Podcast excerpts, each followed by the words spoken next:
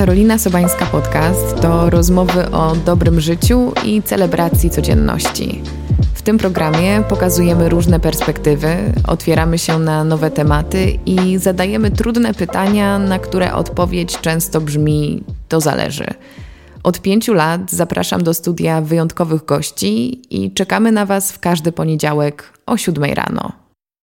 Odcinek 268. Nie bez powodu mówi się, że wychowaliśmy się na jakimś serialu czy filmie. Popkultura od pokoleń kształtuje nasze poglądy i wartości, a także marzenia i oczekiwania wobec życia.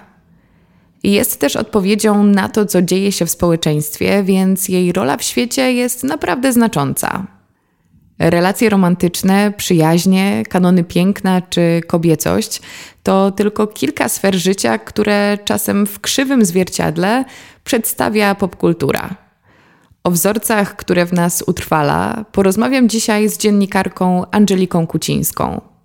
Przekaz popularnych filmów i seriali dotyczy tematów i uderza w wartości aktualne dla współczesnego odbiorcy.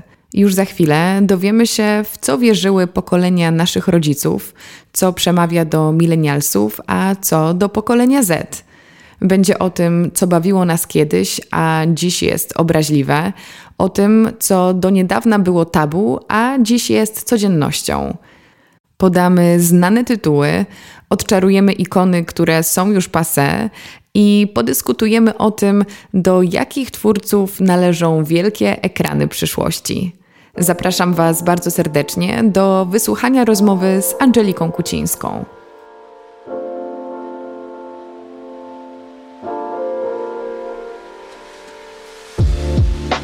Cześć Angelika. Cześć, dzień dobry. Bardzo jest mi miło Cię kościć i nawet nie wiesz, jak się cieszę na naszą dzisiejszą rozmowę. Może dlatego, że tematy, które planuję z Tobą poruszyć, są mi bardzo bliskie prywatnie, a rzadko poruszałam je w podcaście, więc mam do Ciebie całą serię pytań, ale przyszła do mnie taka refleksja, że my jako społeczeństwo chyba nie do końca doceniamy i zdajemy sobie sprawę z tego, jaką rolę w naszym życiu pełni popkultura. Absolutnie nie. Absolutnie nie. Też jestem bardzo podekscytowana tą mhm. rozmową. E, wiesz co, nie mamy takiej świadomości, jak popkultura na nas działa, jak na nas wpływa, jak kształtuje nasze przekonania o świecie, czy e, nasze zachowania, nasze relacje. Nie, jakby trochę traktujemy, mam wrażenie, kulturę popularną protekcjonalnie w tym względzie. W sensie mhm. umniejszamy jej wpływ na, e, na nasze życie, a jest to przecież coś, z czym, zwłaszcza teraz po e, wejściu platform streamingowych, które już w Polsce hulają, jest ich kilka, wszyscy mamy do nich dostęp, oglądamy seriale, już od kilku dobrych lat oglądamy seriale na potęgę, a wciąż nie zdajemy sobie sprawy, jaki ma to na nas wpływ. Ale też popkultura to jest tak ogromny termin, że ciężko sobie go jakoś ułożyć w głowie i stwierdzić, że a, w tym miejscu mam styczność z popkulturą. No bo czy istnieje definicja popkultury, czy ona po prostu jest wszędzie? Wiesz co, jest wszędzie, jest absolutnie wszędzie. Ja tam w tym momencie y, wrzucam już wszystko, w sensie jeśli oglądasz Bergmana na Netflixie, to to jest dalej popkultura. I y, filmy, seriale, książki, muzyka, y, teatr również jest w tym momencie popkulturą. A myślisz, że w obecnym świecie, gdzie, no tak jak powiedziałaś, mamy platformy streamingowe, mamy tak łatwy dostęp do bardzo różnych treści i ja lubię takie porównania, wiesz, kiedyś i dziś, bo wydaje mi się, że media społecznościowe są z nami. Każdy z nas korzysta z nich w jakiś inny sposób. Każdy ma w cudzysłowie swojego Netflixa, mhm. tutaj używając nazwy formalnej, znaczy oficjalnej, czy możesz tutaj podać dowolne inne miejsce, gdzie oglądasz swoje treści. I ten wybór jest tak duży, że zastanawiam się, czy w XXI wieku można w ogóle generalizować, jeśli chodzi o wzorce popkulturowe, czy jest tak dużo różnych ścieżek, w które możemy iść, że każdego popkultura kształtuje inaczej, indywidualnie. Nie ma tych ścieżek nieskończenie wiele. Wiesz, ja ten proces e, obserwowałam jako e, dziennikarka muzyczna, bo przez e, no, wciąż większość swojego życia zawodowego zajmowałam się wyłącznie muzyką i w momencie, kiedy weszły platformy streamingowe, muzyczne, jak Spotify, później Tidal, trochę spadło zainteresowanie takimi eksperckimi mm, rekomendacjami, czego słuchać. Mhm. E, ponieważ mieliśmy dostęp do. E, trochę przestaliśmy potrzebować dziennikarzy muzycznych, mówiąc najprościej, mhm. i ich recenzji. E, dostaliśmy dostęp do całej muzyki świata w zasadzie i e, szukaliśmy sobie na własną rękę tego, co chcemy słuchać, albo podpowiadał nam e, algorytm, albo korzystaliśmy z rekomendacji e, osób, znajomych z mediów społecznościowych trochę takie, mhm. w, w, wiesz, za, zawiązało się wtedy tak zwane dziennikarstwo obywatelskie, działające również w popkulturze na właśnie zasadzie takich szerowanych poleceń. I teraz tak. Oczywiście, że mamy wraz z rozwojem platform streamingowych, wraz ze wzrostem dostępności y, popkultury, to nie jest, nie, nie jest już tak, że jeśli chcesz obejrzeć jakiś film, to, to możesz go obejrzeć przez te tylko, nie wiem, cztery tygodnie, załóżmy, kiedy jest w kinie. Y, tylko możesz sobie dzisiaj obejrzeć bardzo stary film, nie ruszając się z kanapy. Y, tak samo jest z muzyką to jakby wciąż nie jest e, tak, że każdy z nas słucha czegoś innego albo ogląda coś innego. Są pewne, są, są produkcje, są tytuły, które dominują. E, no, jest ten słynny algorytm platformy streamingowej, który ci podpowiada teoretycznie na podstawie e, Twoich zainteresowań, ale Twoje zainteresowania są też bardzo bliskie nie wiem, osobom z Instagrama, Facebooka, czy w, wiesz, w, w jakim tamkolwiek miejscu nawiązujesz e, z ludźmi kontakt. To nie jest tak, że każdy z nas e, porusza się jakąś bardzo taką, mhm. wiesz, osobną ścieżką. No nie? W kontaktach z popkulturą. Czyli istnieją takie podgrupy pod, popkulturowe. I od zawsze pewnie tak było. To, to, tak, to było od zawsze. To teraz istnieje na, na większą skalę. A dwa, jeśli chodzi o te przekonania, czyli o to, że mm, skoro w zasadzie y, każdy z nas ma nieograniczony dostęp i każdy z nas korzysta sobie y, z popkultury w taki sposób, w jaki sobie życzy, to być może ona na każdego z nas wywiera inny wpływ. Nie, ponieważ popkultura generalnie korzysta z, jakby z bardzo podobnych scenariuszy. To są powtarzalne tropy, to są powtarzalne wątki, to jest jakaś myśl, która jest nam przekazywana e, od wielu, wielu lat, ta sama w bardzo różnych miejscach. A w jakim stopniu powiedziałabyś, że po raz kolejny to się zmienia? Czy my obserwujemy, że te scenariusze sobie powolutku ewoluują i zmieniają się wraz z tym, jak zmienia się społeczeństwo na przestrzeni lat, pokoleń? Czy na przykład obserwujemy w ostatnim czasie jakiś taki szczególny przełom e, w tym, co jest komunikowane w popkulturze, na przykład właśnie w serialach czy w filmach popularnych? Ja w ogóle jestem e, wielką fanką takiego patrzenia na, na, na popkulturę, właśnie szukania tam kontekstów i tych miejsc, wiesz, styku z mhm. rzeczywistością.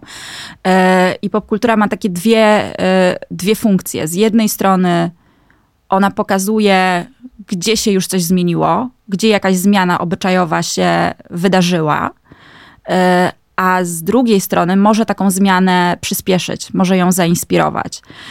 I e, to nie jest tak, że Kiedyś tempo zmiany było wolniejsze, teraz jest szybsze. Ta zmiana, zmiana społeczna jest w popkulturze zawsze widoczna, ponieważ popkultura odzwie, jest odzwierciedleniem y, rzeczywistości.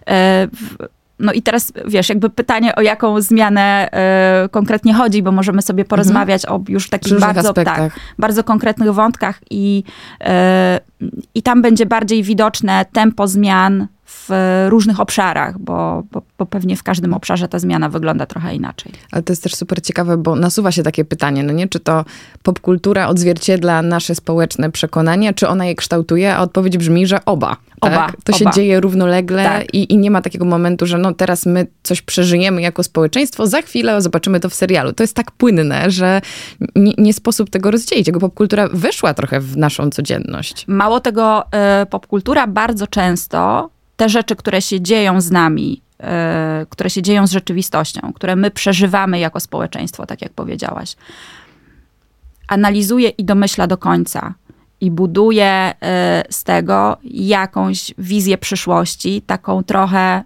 ku przestrodze. To jest to, co zrobiła y, Margaret Atwood w opowieści podręcznej.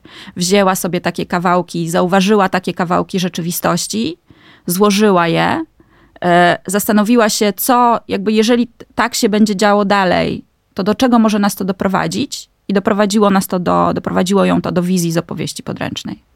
I to jest też e, niesamowicie e, fascynujące, że obserwujemy już teraz, jak realizują się pewne wizje pokazywane w filmach lata temu, jako jakaś taka straszna przyszłość, albo taka trochę apokaliptyczna wizja rzeczywistości. Oczywiście nie, nie próbuję tutaj insynuować, że żyjemy w jakichś apokaliptycznych czasach, bo daleko mi od, od takiego podejścia do, do tego, co się dzieje we współczesnym świecie, ale kiedyś, pewnie te, nie wiem, 10, 20, 30 lat temu, wydawało nam się, że pewne, pewne prognozy, e, czy, czy właśnie światy przedstawione w filmach są tak abstrakcyjne i nierealne i nagle budzimy się w 2023 i okazuje się, o wow, naprawdę społeczeństwo poszło w tę stronę. Moje mieszkanie wygląda już tak, jak ten dom z e, filmu tam, tak, z, z przed 20 lat. No wiesz, z tego też się wziął e, fenomen e, serialu Black Mirror, który przepowiadał przyszłość, przepowiadał, przewidywał ją dokładnie tak samo, jak przewidziała ją Margaret Atwood w opowieści podręcznej, czyli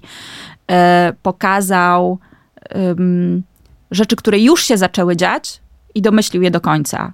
Pokazał taką e, no, momentami bardzo wciąż dla nas abstrakcyjną wizję przyszłości, ale jednak to jest wizja bliskiej przyszłości. To jest wizja przyszłości, która się z czegoś bierze, z czegoś, co, czego doświadczamy już tu i teraz, w związku z czym jest e, prawdopodobna. Ja pamiętam, jak jako dziecko miałam taką refleksję, czy to jest tak, że rzeczywiście te scenariusze filmowe się realizują, czy po prostu one inspirują ludzi do tego, żeby w tę stronę iść e, z, z, rozwojem świata. I, I, teraz wydaje mi się to urocze i, i, naiwne, że gdyby ludzie tak mogli wszyscy zdecydować po obejrzeniu filmu, że w ten sposób e, takie podejmą decyzje na temat przyszłości ludzkości e, i naszej cywilizacji. Natomiast rzeczywiście ha. jest coś takiego niesamowicie magicznego wręcz w tej w tym instynkcie, intuicji ludzi tworzących popkulturę. Tak, ale a propos tego podejmowania decyzji, to nie jest tak, że my teraz um, oglądamy jakiś film o, e, e, wiesz, w którym twórcy roztaczają wizję świata z przyszłości niedalekiej i my się wszyscy teraz skrzykujemy i podejmujemy świadomą decyzję, że okej, okay, ta wizja nam się podoba, będziemy działać tak. w tym kierunku. To w ogóle to, to tak nie działa. Popkultura ma taki bardzo silny wręcz e, manipulacyjny potencjał. E, I my nie musimy świadomie podejmować tej decyzji, że okej, okay, ja idę teraz w tę stronę, ta wizja świata mnie inspiruje, ja chcę taką rzeczywistość sobie budować. oglądasz coś, czujesz to, to ci się podoba i zaczynasz podświadomie realizować ten scenariusz. Mhm. To działa w taki tak. sposób. To jest niesamowite i przychodzi mi też na myśl zjawisko bardzo niedawne przy okazji ogromnego sukcesu serialu Biały Lotos. Wzrost popularności e, Sycylii jako destynacji wakacyjnej wśród Amerykanów jest jakimś absolutnym hitem. I właśnie zastanawiałam się nad tym ostatnio, jak wielką moc mają twórcy tak no, mainstreamowych, masowych produkcji, że mogą realnie wpłynąć na wzrost gospodarczy danego kraju, tak? Czy popularność turystyczna danego miejsca, czy bezpośrednio, nie wiem, na popularność jakiejś, e, jakiejś e, stylówki czy konkretnego brandu. To tak. jest, to jest, no, ale to też nie ma co sięgać e, do tych najnowszych rzeczy. To jest już coś, co, co widzimy od bardzo, bardzo dawna. Kerry Bradshaw idealnym przykładem tego. Tak choćby. jest. Po, po filmie Diabeł ubiera się u Prady wszyscy chcieli e, pracować w magazynie mody, a, w, a po sukcesie e, Gry o Tron jeździli na wakacje do Chorwacji. Magia. Tak.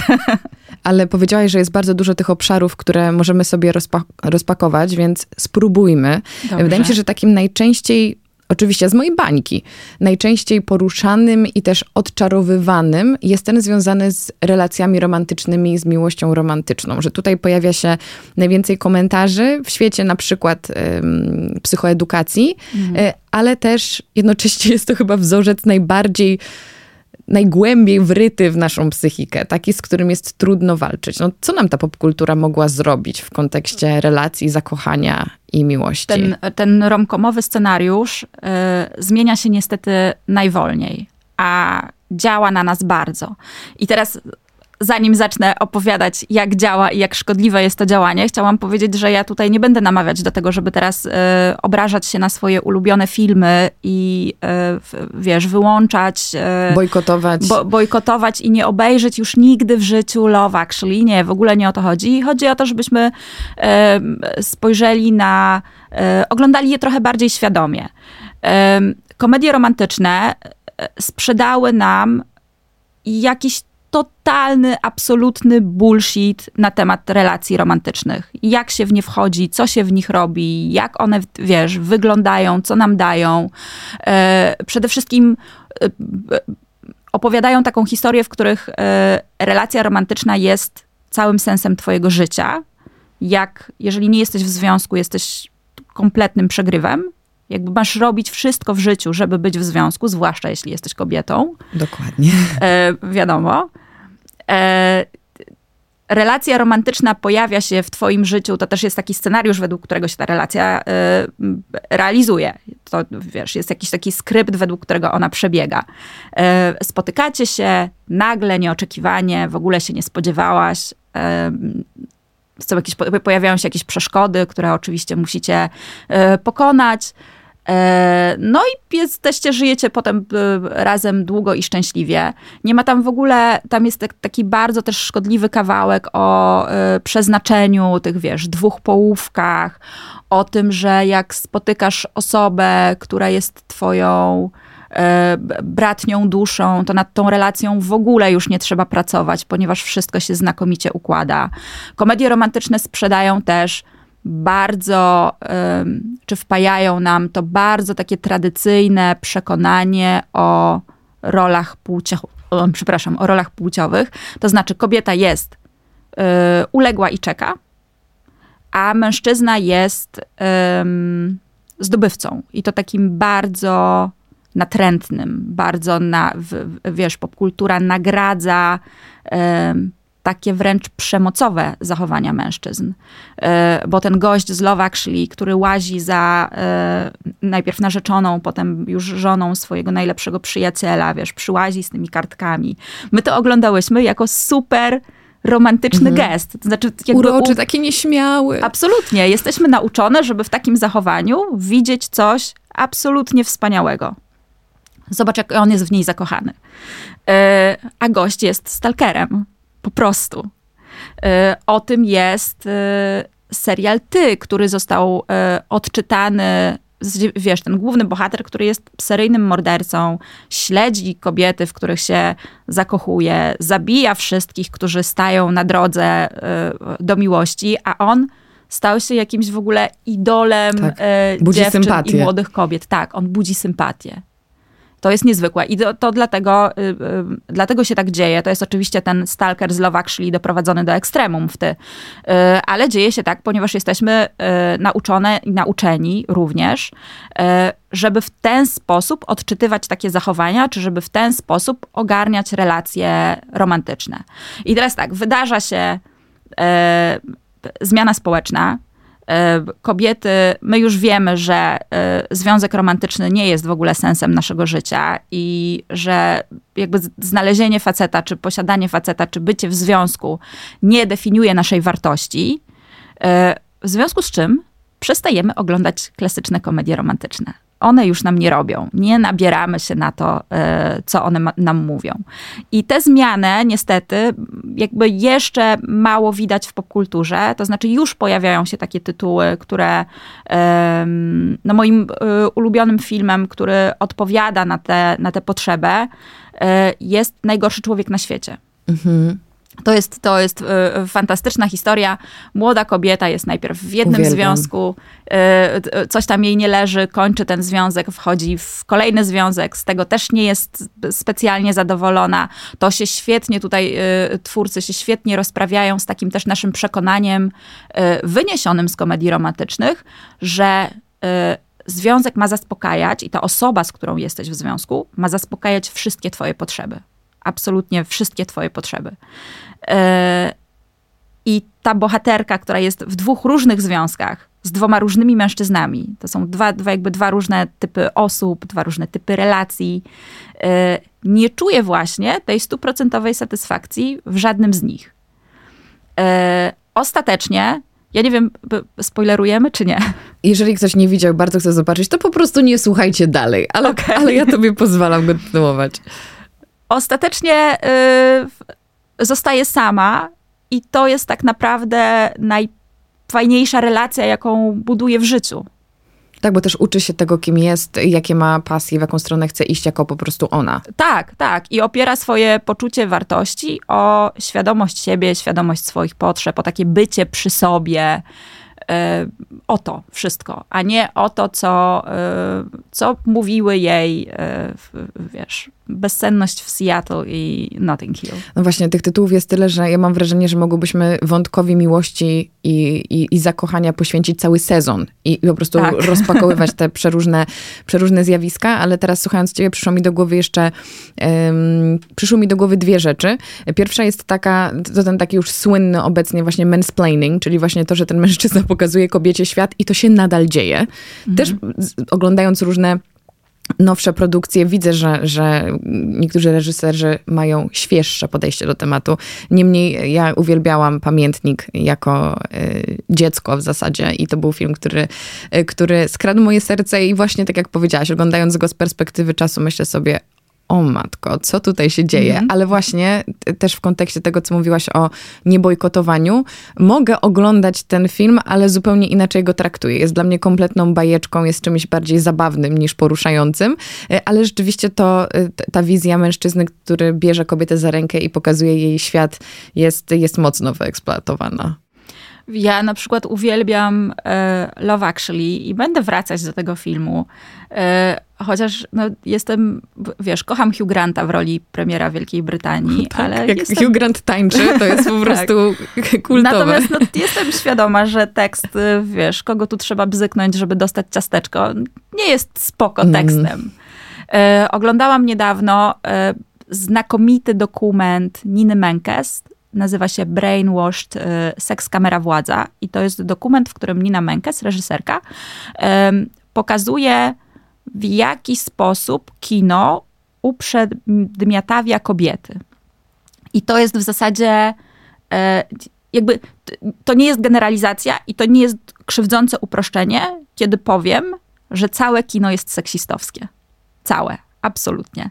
Ona tam podaje przykłady z filmów um, Godarda, Altmana, um, Paula Thomasa Andersona. To nie jest tak, że się, wiesz, usiadła um, feministka i teraz wykłada historię uprzedmiotowienia kobiety na podstawie 365 dni Blanki Lipińskiej. No nie? Jakby łatwy cel. Tak. To, to, to wszyscy wiemy. Ona pokazuje filmy doceniane, nagradzane Oscarami, reżyserów uprawiających kino ambitne, artystyczne e, i pokazuje, jakimi technikami operują te filmy, czy jakimi technikami operują ci reżyserowie, bardzo często nieświadomie, bezrefleksyjnie, ponieważ to jest jakiś ustalony język kina, z którego korzystają wszyscy twórcy. E, pokazuje te wszystkie techniki, które służą takiemu przedstawianiu kobiecego ciała, które stawia kobietę zawsze w pozycji podległej i niższej, bo to już nawet w tym y, uprzedmiotowieniu nie chodzi o to, że kobiece bohaterki to są zawsze, nie wiem, y, sekretarki i gospodynie domowe, a męscy bohaterowie, z całym oczywiście szacunkiem dla sekretarek i gospodyń domowych, y, a męscy bohaterowie to prezesi i prezydenci. Chodzi o to, jak oświetlane jest kobiece ciało, jak jest kadrowane versus jak kadrowane jest y, ciało męskie, kiedy i po co stosuje się y, ten y, zabieg zwolnionego tempa w przypadku kobiet, kiedy w, w przypadku mężczyzn i co to nam robi. Wiesz, to są takie bardzo techniczne elementy, które wpływają później na to, jak jak kobiety, jak my myślimy o swoich ciałach, jak je widzimy i co z nimi robimy. I kino nas uczy, że w zasadzie nie istniejesz i nie masz żadnej wartości, dopóki mężczyzna nie spojrzy na ciebie w odpowiedni sposób. W związku z czym robisz ze sobą i ze swoim ciałem takie rzeczy, żeby te spojrzenia przyciągać i, i zatrzymywać na sobie. I ekspertki w tym dokumencie podkreślają, że to prowadzi do jakiegoś takiego kompletnego zatracenia poczucia, poczucia ja, do jakiegoś kompletnego rozpadu osobowości. Z kolei mężczyzn heteroseksualnych kino uczy, w jaki sposób patrzeć na kobiece ciało, jak je widzieć, co tam widzieć, czego oczekiwać, co uważać za wartościowe i atrakcyjne. I na przykład taka fragmentaryzacja kobiecego ciała, takie kadrowanie, że wiesz, nie pokazujesz mężczyzna pokazywany nawet w kontekście seksualnym, jak w filmie Magic Mike, jest, Nina Menkes zwraca uwagę, jest pokazywany zawsze w całości. Widać całą sylwetkę. Kobieta, y, zwłaszcza w kontekście seksualnym, jest pokazywana po kawałku. Pierś, pośladek, łydka, coś tam. Mhm. Ruch kamery y, ma odzwierciedlać y, poruszający się w, na kobiecym ciele wzrok mężczyzny. Y, no i to, to jakby to jest o tym, że potem jesteś widziana przez świat jako te kawałki. Ty jakby nie jesteś całą osobą. Nie widzisz też siebie jako całej pełnej osoby. Ale jestem bardzo ciekawa, czy to też wynika z pewnej dynamiki, która jest y, specyficzna dla branży filmowej, dla Hollywoodu i trochę odzwierciedla to, jak y, tam funkcjonuje, funkcjonują relacje, wiesz, kobiet i mężczyzn, czy to nadal jest obraz społeczeństwa?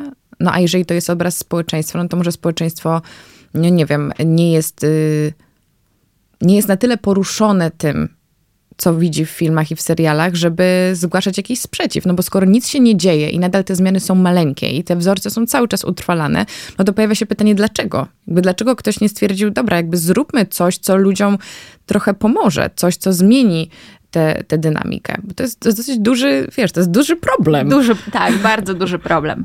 E, bardzo duży problem, który wynika... E, to nie jest tak, że my nie, nie, jakby nie chcemy tego zmieniać, albo że nie ma prób zmiany, bo one są.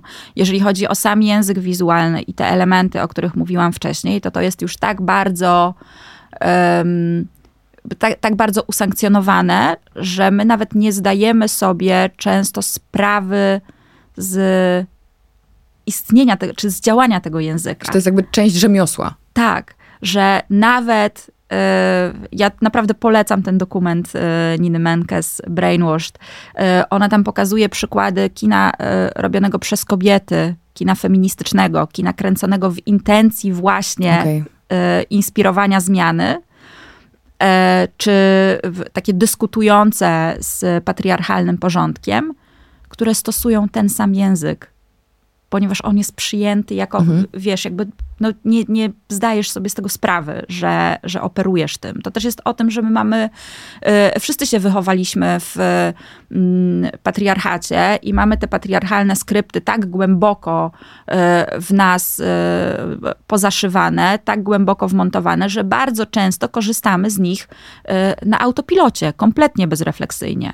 I właśnie chodzi o to, żeby teraz się, wiesz, przyjrzeć i popkulturze, i światu, i sobie, i trochę bardziej świadomie w nim funkcjonować. Natomiast wzorce się absolutnie zmieniają. E, popkultura, która jest adresowana chociażby dla e, nie wiem, młodszych milenialsów, czy już dla e, Gen Z, absolutnie odrzuca patriarchat, no bo to jest, wiesz, to jest pokolenie, które nierówność płci uważa za jakiś kompletnie w ogóle archaiczny mhm. konstrukt. Więc w takich serialach jak, e, no nie wiem, jak chociażby e, Euforia czy, czy Pokolenie, tego nie ma. Chciałam Albo jest pokazane jako bardzo patologiczna sytuacja. Okej, okay, okay. Czasami zastanawiam się totalnie kwoli dygresji, czy te rzeczy, które mają być pokazane jako jakaś satyra i właśnie patologiczna sytuacja w krzywym zwierciadle, czy społeczeństwo by na pewno odbiera je w ten sposób, czy nie, czy nie, nie odczytuje tych tych scenariuszy dosłownie.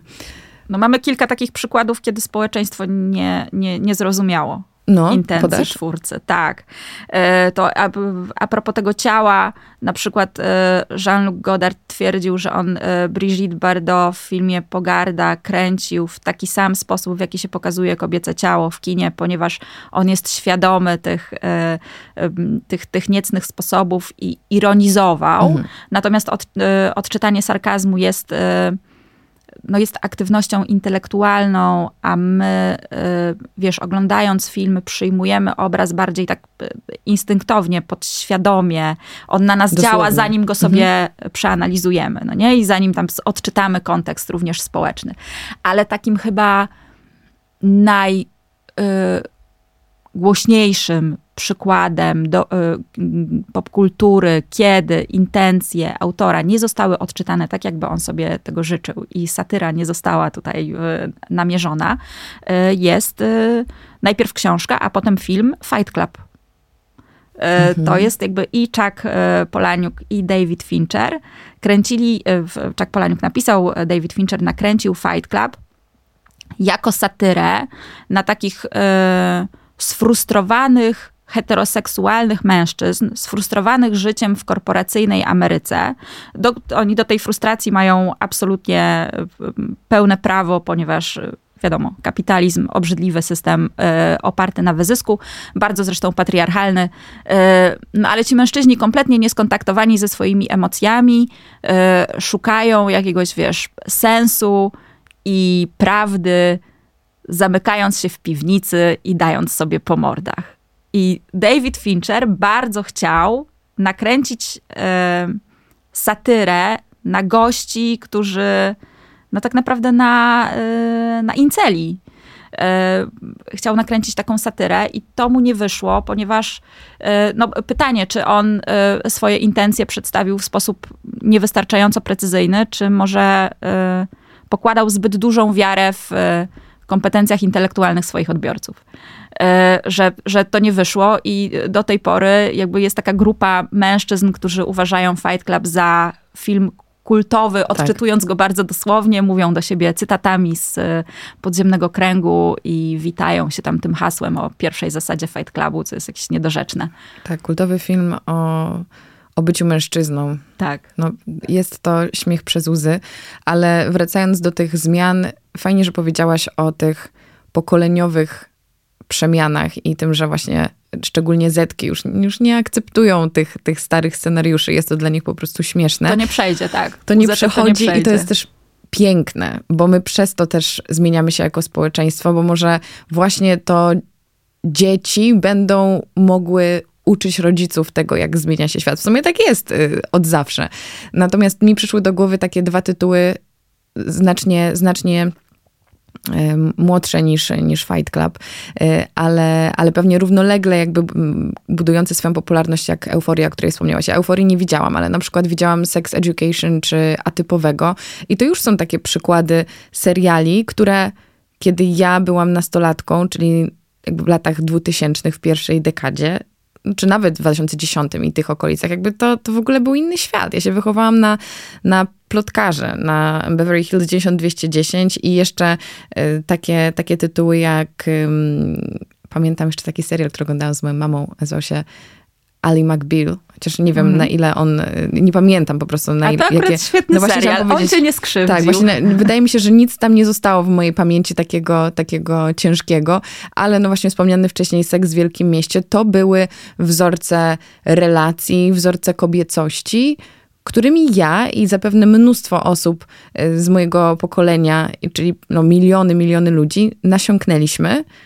I w ten sposób chcieliśmy realizować się jako kobiety, jako mężczyźni, jako osoby e, budujące swoją ścieżkę kariery, czy, czy poznający e, inne osoby, by stworzyć z nimi, z nimi relacje. I to, są, to jest przepaść, to są dwa różne światy. To, co mówiły tamte seriale versus to, co widzimy teraz właśnie no, ja bym nawet e, wiele oddała, żeby wychować się na takim serialu jak Sex Education, bo to jest wspaniała rzecz tak celebrująca różnorodność, tak bardzo inkluzywna. Wiesz, tam masz w zasadzie wszystkie tematy takie bardzo też bezpieczne, komfortowe budowanie swojej tożsamości, kiedy jesteś y, osobą nastoletnią. Oczywiście bohaterowie tego serialu y, przeżywają jakieś trudności wokół y, tych swoich wyborów życiowych, nie? czy wokół w relacji, w które, w które wchodzą, ale zamysł twórców jest taki, żeby pokazać, że to jest jakby to, to, to wszystko jest okej, okay, no nie? Niezależnie od tego, jakby możesz zrobić też, nie wiem, możesz robić w seksie wszystko, dopóki jakby nie, y, nie naruszasz czyichś granic. Y, tam jest, y, wiesz, niechciana, nieplanowana ciąża i aborcja. Jest biseksualność, jest seksualność osoby z niepełnosprawnością. No to jest jakby absolutnie tak, fantastyczny serial. A typowy o serial o dorastającym chłopaku w młodym mężczyźnie w zasadzie w e, spektrum autyzmu. E, też doskonały przykład e, inkluzywnej popkultury, która bardzo nie lubię słowa normalizuje, ale no też jakby rozumiem, że ono jest właściwe w tym kontekście, czy normalizuje, czy pogłębia nasze rozumienie neuroróżnorodności.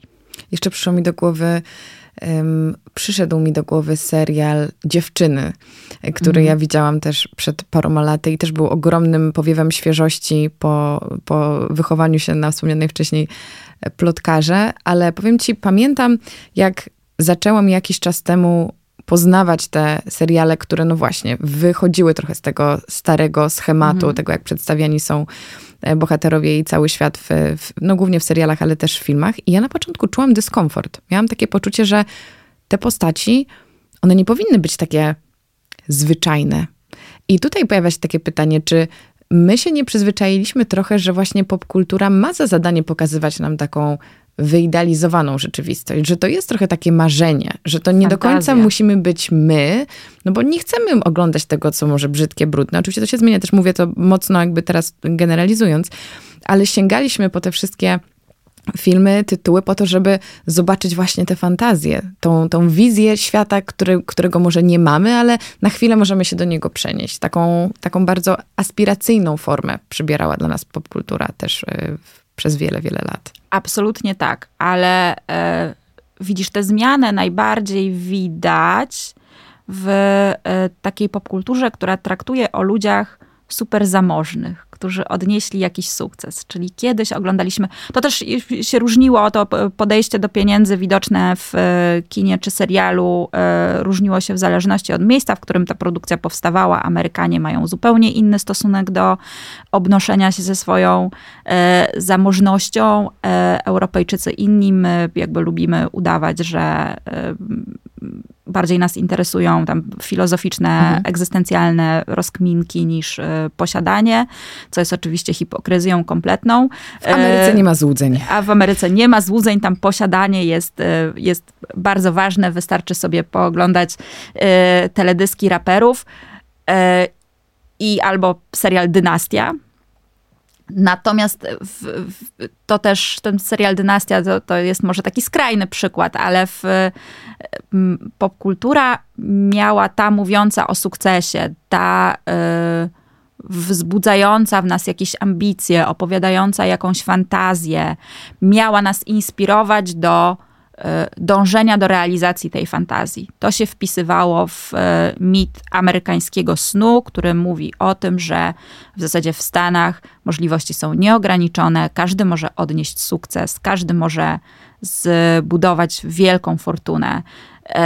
I z tym mitem dyskutowali wszyscy, bo z nim dyskutował już bardzo dawno temu Fitzgerald, który e, zasiewał w swoich czytelnikach e, w Wielkim Gatsbym taką wątpliwość, że okej, okay, może ta fortuna jest możliwa e, i dostępna, ale nie zdobywa się jej zawsze ciężką, uczciwą pracą. Niemniej ten amerykański sen był no jakby, wiesz, był potęgą, był siłą i e, popkultura też była takim narzędziem do, e, no do opowiadania tej bajki o tym, że ten amerykański sen można, można spełnić. No tylko, że w pewnym momencie zorientowaliśmy się, że amerykański sen to jest jakaś kompletna bójda, że te wielkie fortuny są udziałem bardzo niewielkiego, no w zasadzie procenta, procenta ludzkości, garstki ludzi, która się bogaci kosztem całej reszty. Dlatego dzisiaj opowiadamy o bogactwie w taki sposób, w jaki opowiadamy o nim w Białym Lotosie, albo w taki sposób, w jaki opowiadamy o nim w sukcesji. Czyli e, pokazujemy absolutne zepsucie i okrucieństwo ludzi zamożnych. Takich ba bardzo, bardzo zamożnych.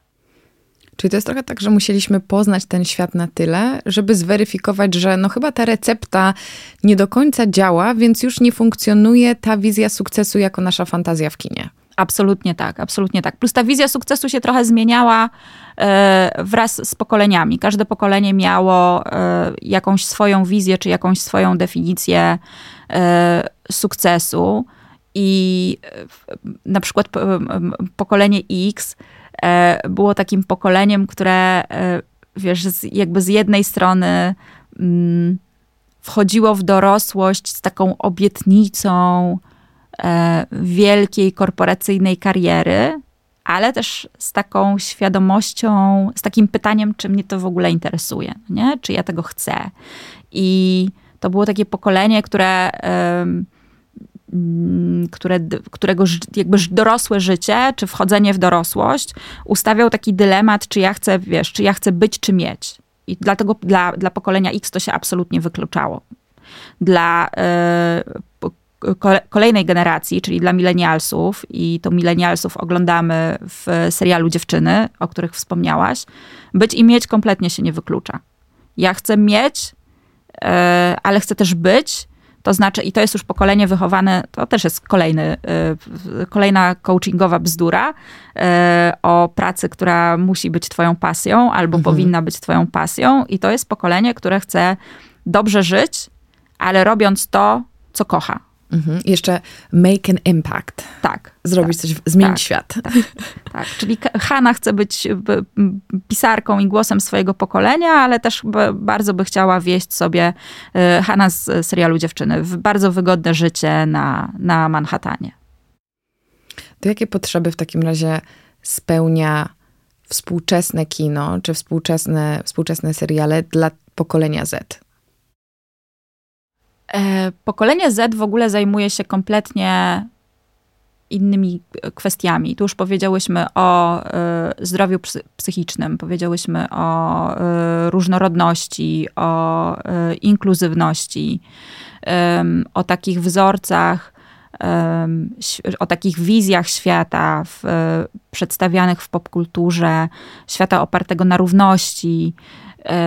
Pokolenie Z też to świetnie pokazuje, zachęcam cię, żebyś zobaczyła euforię, bo, mhm. bo euforia to znakomicie, y, znakomicie diagnozuje nastroje pokolenia Z, które wychowało się na, na i w mediach społecznościowych, a wchodzi w dorosłość y, z takim przekonaniem, no, straszone końcem świata, który się już zaczął w zasadzie. Wiesz, to jest pokolenie bardzo, z jednej strony fantastyczne, bo to jest pokolenie y, osób działających aktywistycznie, osób, dla których, tak jak powiedziałam, równość to nie jest już żaden przedmiot dyskusji. Równość to jest wartość, która ustawia świat i tak i tak jest. Jeżeli komuś, nie wiem, komu, ktoś uważa, że powinno być inaczej, no to to jest y, y, myślenie bardzo, bardzo, bardzo archaiczne, bardzo z przeszłości.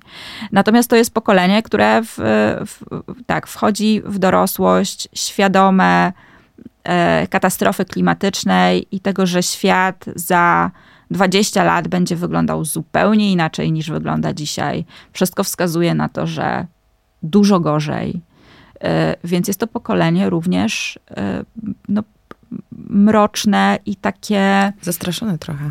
Tak, ale też myślę uciekające w postawy dość nihilistyczne. I to, i ten mrok, i ten nihilizm bardzo widać w euforii. Bardzo widać w euforii. Ale też mam takie wrażenie, że współczesne produkcje robią zupełnie inne rzeczy nam, nazwijmy to, osobom z wcześniejszych pokoleń, niż robią Zetkom, którym są teoretycznie dedykowane, że dla Zetek te produkcje, o których e, powiedziałaś, są czymś normalnym, są odzwierciedleniem ich myśli, są po prostu przyglądaniem się zjawiskom, które, nad którymi oni codziennie rozmyślają, a ja mam tak, że oglądam te rzeczy i myślę sobie, wow, ale super, ale mhm. świeże, ale właśnie tak jak ty powiedziałaś, że Żałuję, że nie mogłam tego obejrzeć w 2007 roku, kiedy oglądałam plotkarę. I, i, I ja myślę sobie o tym bardziej tak sentymentalnie i dla mnie to jest e, takie odkrywcze, podczas gdy dla młodszych osób to jest codzienność.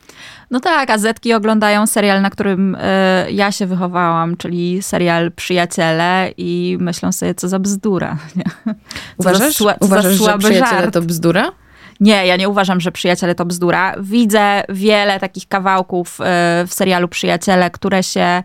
E, zresztą twórcy przyjaciół mówią o tym w wywiadach, że, że te żarty by się dzisiaj nie wydarzyły, że takie przedstawianie na przykład ojca, postaci ojca Chandlera, który występuje w Las Vegas e, w, w spektaklu dragowym, jest, no, że to było po prostu transfobiczne, te, te, wiesz, te wszystkie żarty z, z ojca po tranzycji. E, a jakby z drugiej strony w serialu Przyjaciele został przedstawiony e, ślub, jest scena ślubu dwóch kobiet i tego ślubu udziela osoba, która w rzeczywistości była um, działają, aktywistką działającą na rzecz e, równości osób e, LGBT.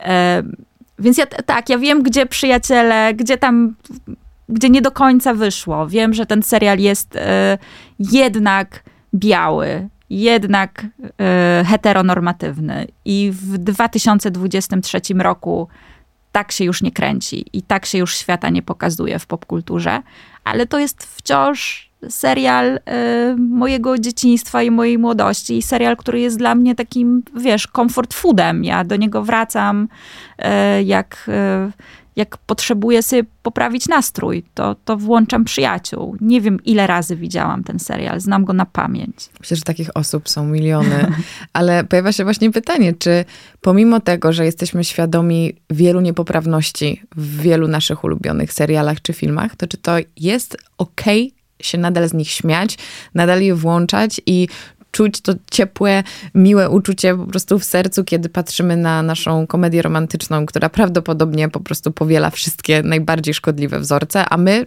mamy z tego frajdę i, i, i robi nam się miło. Słuchaj, komedie romantyczne, podobnie jak pornografia, są dla ludzi dorosłych. Mhm. Jeżeli jesteś świadoma tego, co, co, co, jakby co to robi, w jaki sposób y, kształtuje twoje przekonania. Że jeśli oglądasz y, Love Actually na nieświadomce jako dorosła osoba, jako dorosła kobieta i marzysz, że ten scenariusz się sprawdzi w twoim życiu i wierzysz, że on jest możliwy, wiarygodny, że tak wygląda miłość, tak wyglądają relacje i tak ty jako kobieta powinnaś się zachowywać, żeby tę miłość zdobyć. Albo potrzebujesz miłości, bo komedia romantyczna ci mówi, że bez niej jesteś yy, jakoś tam, wiesz, mniejsza, gorsza, zepsuta, wybrakowana. No to nie spoko, ale jeżeli oglądasz sobie Love Actually, bo, bo masz do tego filmu sentyment i traktujesz ten y, seans jako rozrywkę, y, komfortującą rozrywkę, no to okej, okay, to nie, nie obrażajmy się teraz na, na, na, na, filmy z przeszłości, ale też rozliczajmy twórców, którzy y, kręcą dzisiaj z tego, jaką wizję świata nam sprzedają, bo nie obrażajmy się na Love Actually, ale nie oglądajmy 365 dni. Może tak.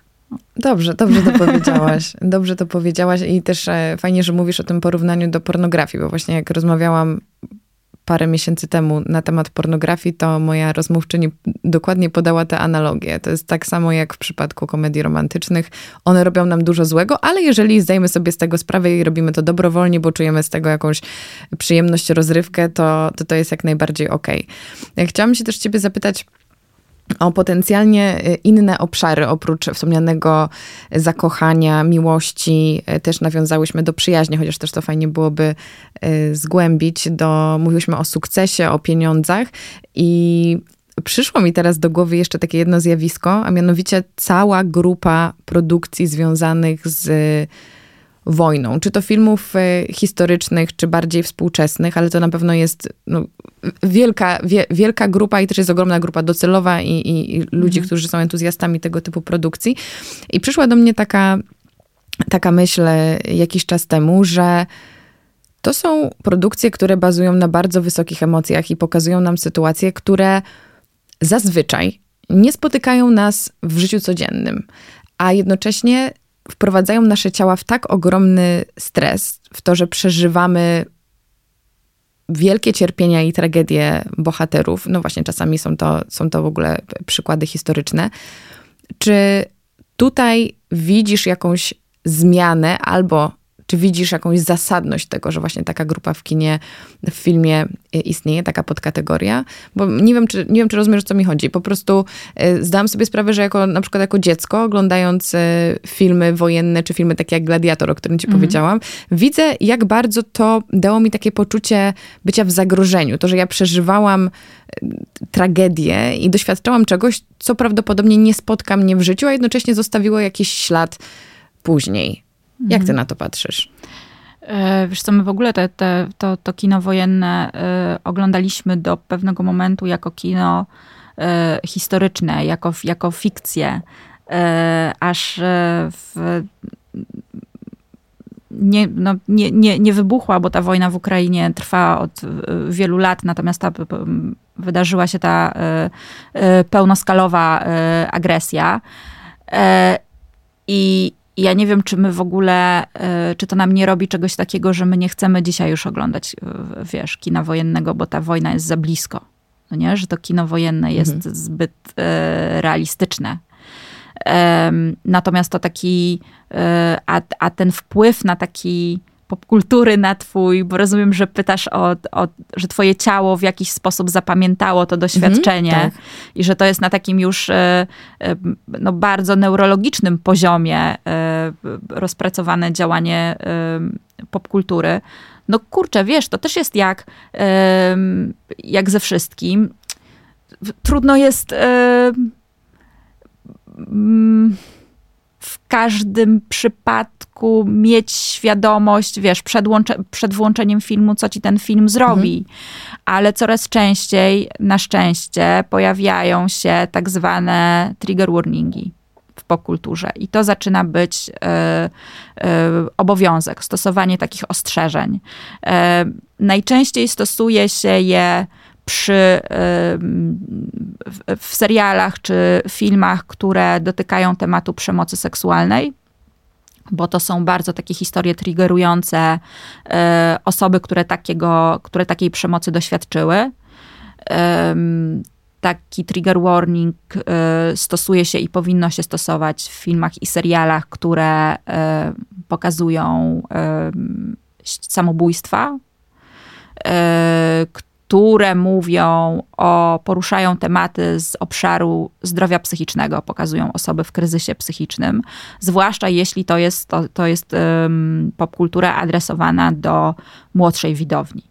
Tak się zresztą na przykład wydarzyło z takim serialem 13 powodów. Mhm. E, pierwszy sezon nie był oznaczony tymi, tymi ostrzeżeniami, tymi trigger warningami. Bardzo taka duża, intensywna fala krytyki wylała się na serial po pierwszym sezonie za to, że romantyzuje samobójstwo, w zasadzie pokazuje samobójstwo jako jako rozwiązanie, czy jako jakąś taki, wiesz, rodzaj wręcz zemsty na oprawcy. Um, I ta narracja, jakby serial wywołał e, wręcz falę samobójstw wśród młodych osób ale twórcy bardzo jakby podeszli odpowiedzialnie do, do sprawy i no, nagrali takie ostrzeżenia, już no, post factum nagrali ostrzeżenia, które domontowali do odcinków e, pierwszego sezonu, a kolejne sezony już są, już zawierają takie właśnie wstępy i nagrane przez e, członków, e, członków i członkinie obsady o tym, o czym jest ten serial, y, dlaczego jeżeli jesteś osobą, która doświadcza jakichś trudności w którymś z tych obszarów, jeżeli jesteś ofiarą, szukasz pomocy, to tę pomoc znajdziesz tutaj i tutaj. Y, a też jakby zwracamy Twoją uwagę na to, że ten odcinek może być dla Ciebie trudny, więc być może obejrzyj go w towarzystwie y, przyjaciela, przyjaciółki, rodzica, ja y, nawiązując do tego, co powiedziałam o swojej historii, myślę, że po prostu pewne filmy są dla starszej publiczności i to by już rozwiązało wiele, e, tak. wiele problemów, jeśli chodzi, jeśli chodzi o, o jakieś wiesz, zbyt wcześniej... silne prze, przeżywanie właśnie takich mocnych, e, mocnych filmów. Nikt nie zwracał na to uwagi. To też jest kwestia tego, jak się zmienia e, na przykład wychowywanie dzieci, mhm. no nie? Że, że te dzieci wychowane dzisiaj przez bardziej świadomych rodziców nie mają dostępu do wielu sytuacji, do których ja miałam dostęp. Ja może nie oglądałam super dorosłych filmów jako dziecko, ale czytałam dorosłe książki, które wypożyczałam z biblioteki i pani mi w bibliotece w ogóle nigdy nie zwróciła uwagi, że może książki Manueli Gretkowskiej dla dwunastolatki to tak nie, nie za bardzo spoko, nie? Ale też e, to, co mówisz o tych trigger warningach, e, to jest też trochę taka historia o tym, że no, my mamy jakąś odpowiedzialność oczywiście jako twórcy i super, że są narzędzia, dzięki którym możemy no właśnie ostrzec osoby, które będą konsumowały treści, które, które tworzymy, ale jednocześnie też nie sposób przewidzieć każdego scenariusza i też mhm. trzeba pozwolić twórcom tworzyć y, i, i wiedzieć, że oni nie mają kontroli nad tym, czy nas zaboli to w taki czy nie inny sposób, no bo, spo, bo potencjał tego, że, że coś nas striggeruje, no właśnie poruszy, zaboli, czy potencjalnie zrobi nam krzywdę jest bardzo duży i, i nie jesteśmy w stanie tego w ten sposób zmierzyć, przewidzieć i temu zapobiec, więc to jest trochę tak. taka, no to jest pewna taka gra zaufania, trochę taka loteria. Tak, trigger warning jest takim narzędziem, które się jakby pokazuje odpowiedzialność e, twórców.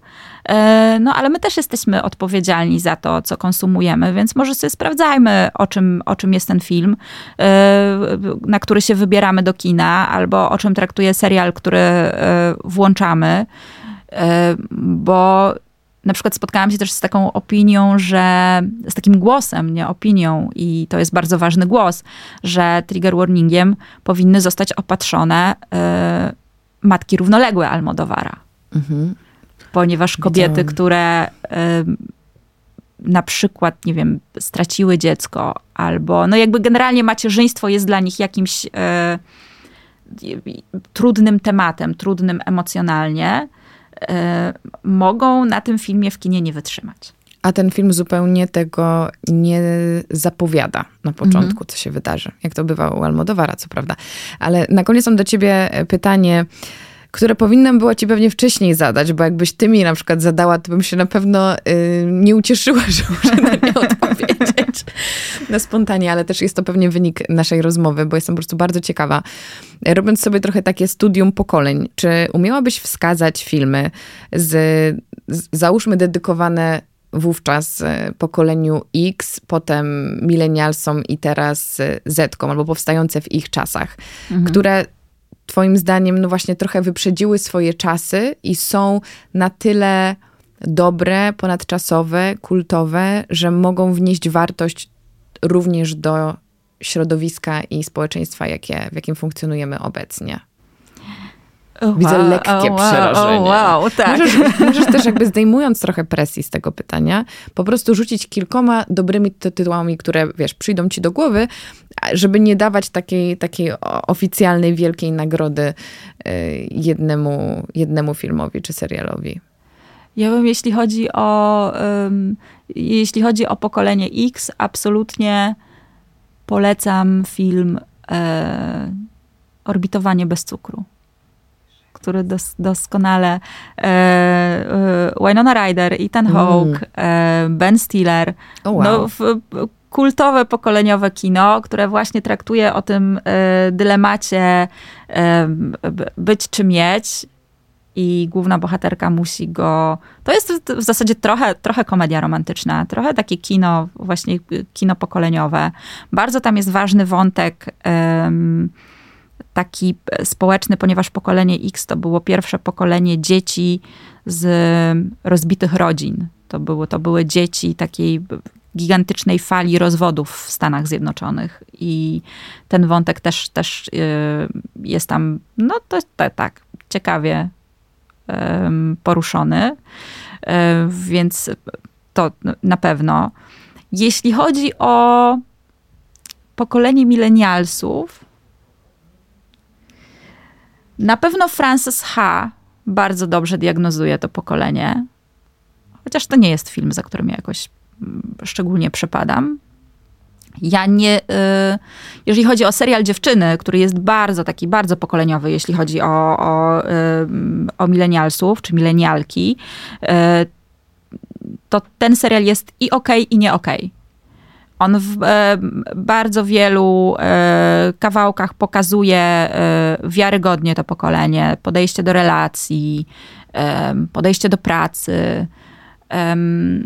Ale no właśnie, no jest, jest biały i, i biały i hetero w większości. Oczywiście tam jest homoseksualny bohater, ale nie jest głównym bohaterem. Natomiast to, co fajnego robi ten serial jeszcze, to yy, znowu użyję tego słowa, yy, normalizuje kryzysy psychiczne jako taki, po, pokazuje chorobę psychiczną czy kryzys jako po prostu element życia.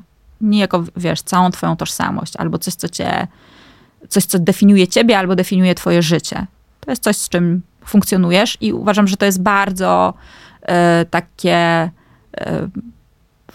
współczesne i przyszłościowe, w sensie w taki sposób powinniśmy myśleć o kryzysach psychicznych albo o e, neuroróżnorodności. To, co jest niefajne w tym serialu, to sposób, w jaki pokazuje kobiecą przyjaźń. Mhm.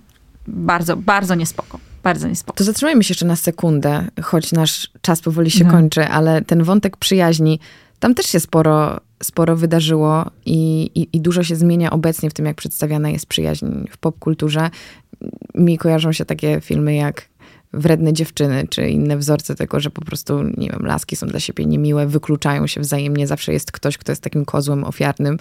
Y, ale jak ty patrzysz na, na ewolucję właśnie przyjaźni przedstawionej w serialach. No, Blair i Serena z Plotkary, o, które no się właśnie, przyjaciółki. walczą, walczą i godzą, walczą ze sobą i godzą. E, to jest ten e, model frenemies. E, wrogin i przyjaciółek, przyjaciółki i rywalki, ale to jest bardzo toksyczne przedstawianie przyjaźni.